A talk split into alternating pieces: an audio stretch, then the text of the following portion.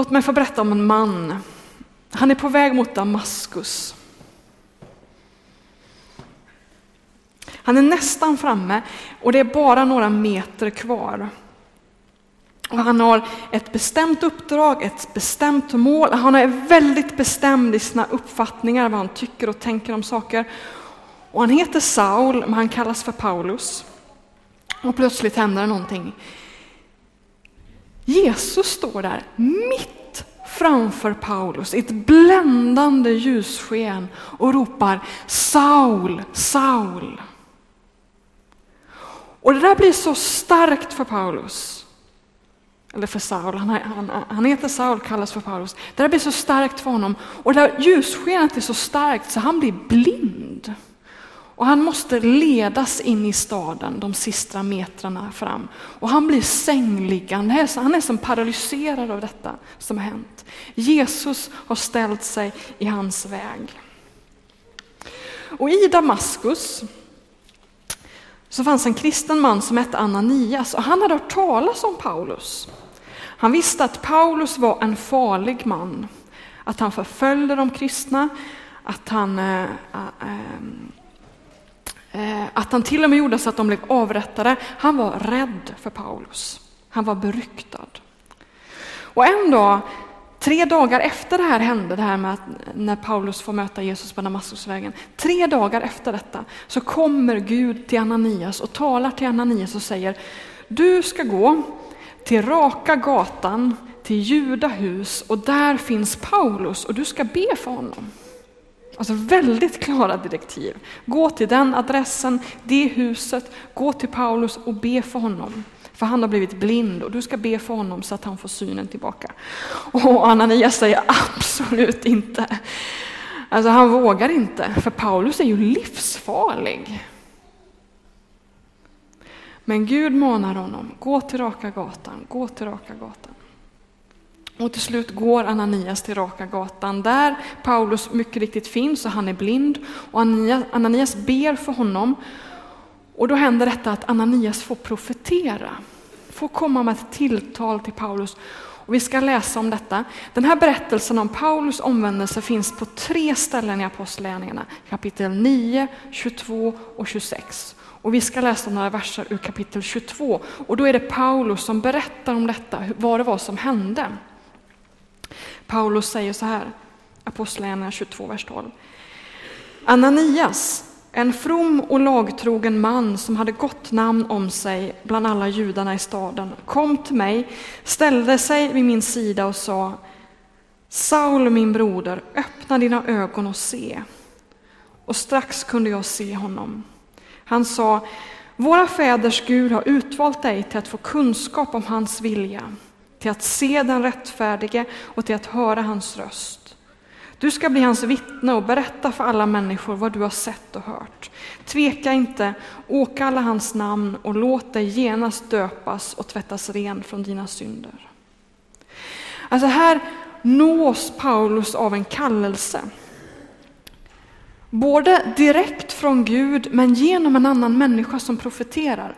Om man jämför de här berättelserna, Eh, kapitel 9, 22, 26, så märker man att att Paulus får veta att han, han har en kallelse till att leva i gemenskap med Gud och att vittna om denna gemenskap. Det får han veta redan i, i mötet med det här bländande ljusskenet.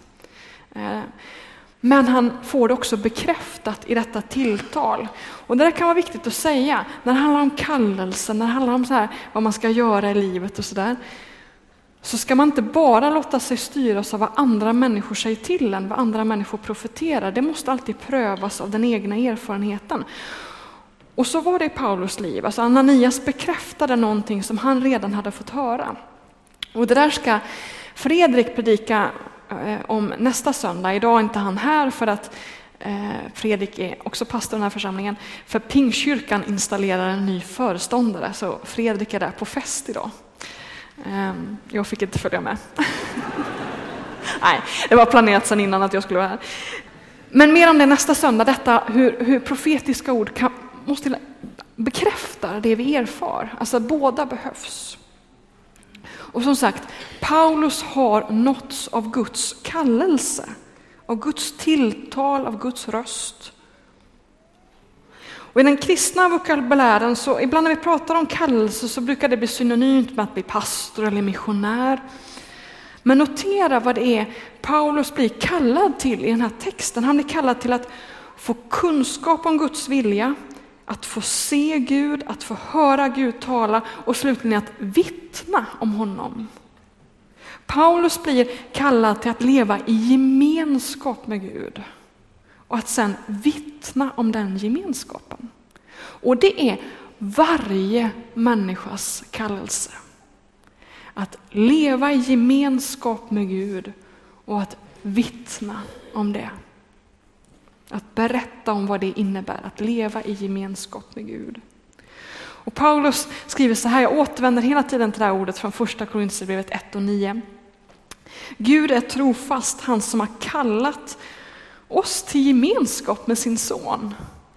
Det är var och ens kallelse här inne. Vi är kallade till att ha gemenskap med Jesus. Alla de människor i Bibeln, eller alla de människor som Bibeln berättar om har någonting gemensamt, gemensamt och det är just detta att de blir kallade till gemenskap med Gud. Kallelsen kan koncentreras kring ett enda ord och det är ordet kom. Kom till mig, kom, kom. Det är en kallelse som ljuder genom hela Bibeln. Och det där gäller Paulus och det gäller också dig i allra högsta grad. Gud säger kom. Frågan är bara, har du nåtts av det tilltalet ännu? Den kallelsen är din, men frågan har du nåtts av det tilltalet ännu? Har du hört den rösten? Har du tillåtit Gud gripa tag om ditt hjärta? Paulus uttrycker sig så här i ett brev till, till församlingen i Filippi att jag gör allt för att gripa det nu när Kristus har fått mig i sitt grepp. Den här versen är så vacker, Filipperbrevet 3 och 12. Alltså, Paulus säger, Gud har gripit tag om mig så att jag nu griper tag om honom. Jag gör allt för att gripa det nu när Kristus har fått mig i sitt grepp. Alltså han är, hela hans liv har fått en ny orientering. Han berättar så här också i Filipperbrevet, det här är fantastiska verser som visar vilken förvandling han har varit med om. Vi läser men allt sådant som var en vinst för mig har för Kristi skull kommit att räknas som en ren förlust. Ja, jag räknar faktiskt allt som en förlust jämfört med det som är långt mera värt. Kunskapen om min Herre Kristus Jesus. För hans skull har allt det andra förlorat sitt värde för mig. Jag kastar det på sophögen för att vinna Kristus och få leva i honom. Alltså, allt har blivit omvärderat i Paulus liv. Allt annat har blivit oviktigt. Nu finns det bara en grej och det handlar om att, att lära känna Kristus, att få kunskap om Jesus, att få leva med Jesus, i Jesus. Alltså Paulus talar mycket om föreningen med Jesus. Det är liksom hans enda grej i livet. Han är så gripen av detta. Att leva med Jesus och för Jesus. Allt annat har blivit oviktigt. Och det där är så fascinerande. Han vill likna Kristus, han vill vara som Kristus, han vill dofta Kristus, han vill leva i Kristus. Hur kan en människa bli så gripen? Förra söndagen så berättade jag att vi vi varje torsdag här klockan sju på morgonen har bön. Du kan komma klockan sju och stanna tio minuter, eller 20 minuter, en timme. Men då har vi bön för ett enda bönämne, att fler människor ska lära känna Jesus här i Linköping. Och då berättade jag att jag ber om att jag läste då från första Korinthierbrevet 14 hur, hur Paulus berättar lite hypotetiskt. Tänk om alla hade profetians gåva. Tänk om alla i församlingen profeterade och det kommer in någon som inte är kristen. Då skulle han eller hon bara utbrista. Hos er finns verkligen Gud. Och så berättade jag att det är vad jag drömmer om. Att när människor kommer in i vår gemenskap så skulle de utbrista. Hos er finns verkligen Gud. Och så ber jag om en annan sak och det är Gud, ställ dig i människors väg. Jesus, ställ dig i människors väg, precis som du gjorde med Paulus. Du kan göra det igen och igen och igen och igen. Ställ dig i människors väg så att människor får en helt annan orientering. Jag ber om att människor i Linköping skulle få uppleva den gripenheten.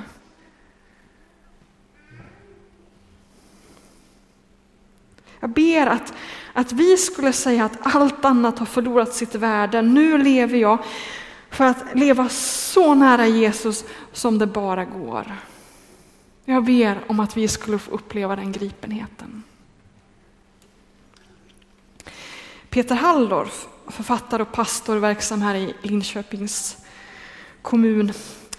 Eh, han har gett mig ett råd som jag vet att han har gett till många. Eh, och det är ett, ett väldigt bra råd. Och det handlar om, när det gäller alla de här stora livs, livsvalen som det här dramat handlar om, alltså vad ska jag göra med mitt liv och så vidare. Så säger han så här, Peter. Bekymra dig om den inre vägen så löser sig den yttre vägen av sig själv.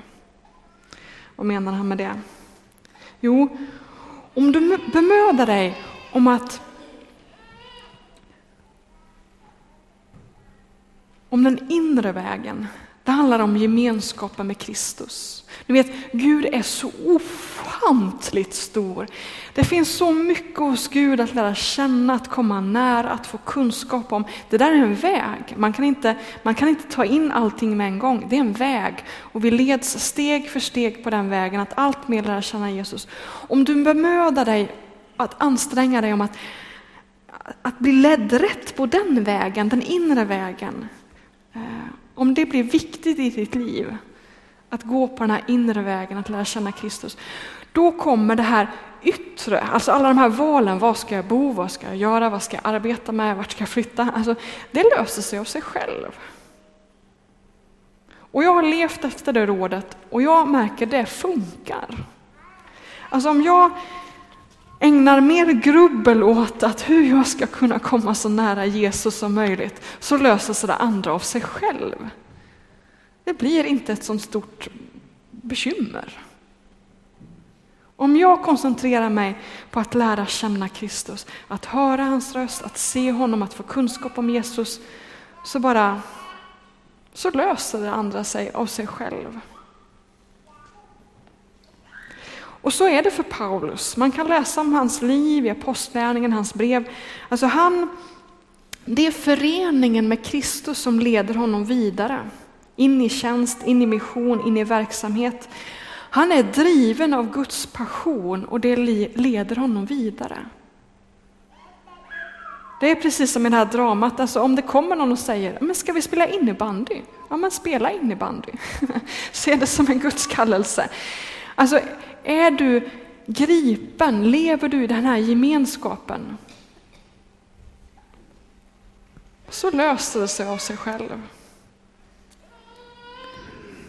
Gör det du längtar efter, som det betyder i Malins berättelse. Det fanns en längtan, jag vill bo i en annan kultur. Jag vill åka till ett annat land och så kommer frågan, men ska vi inte, leva, ska vi inte flytta till Serbien? Det löser sig av sig själv.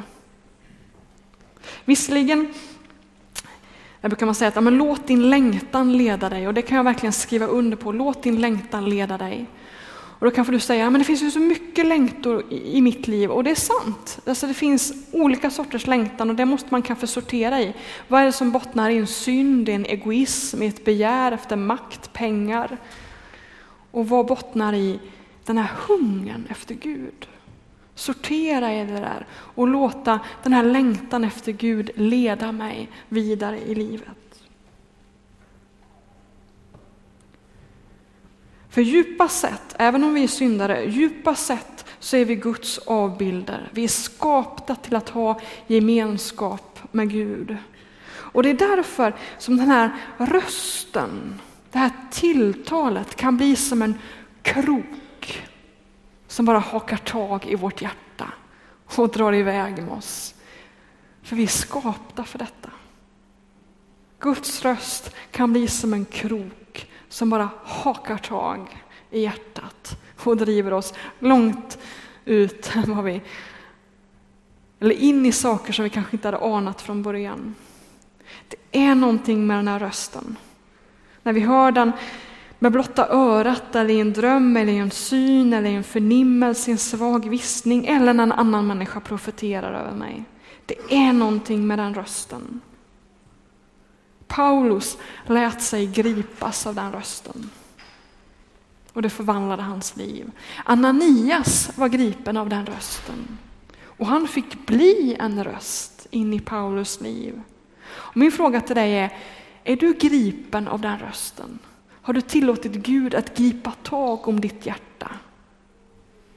Har du nåtts av den kallelsen att ha gemenskap med Gud? Har du hört detta kom, kom, kom? Och till dig här inne som, som vet att ja, jag får ord och hälsningar som är till andra här inne.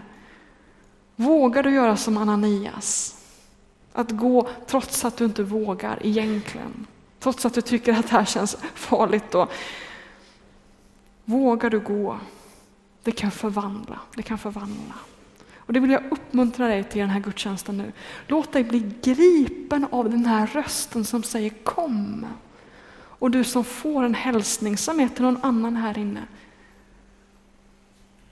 Kom. Kom och dela den.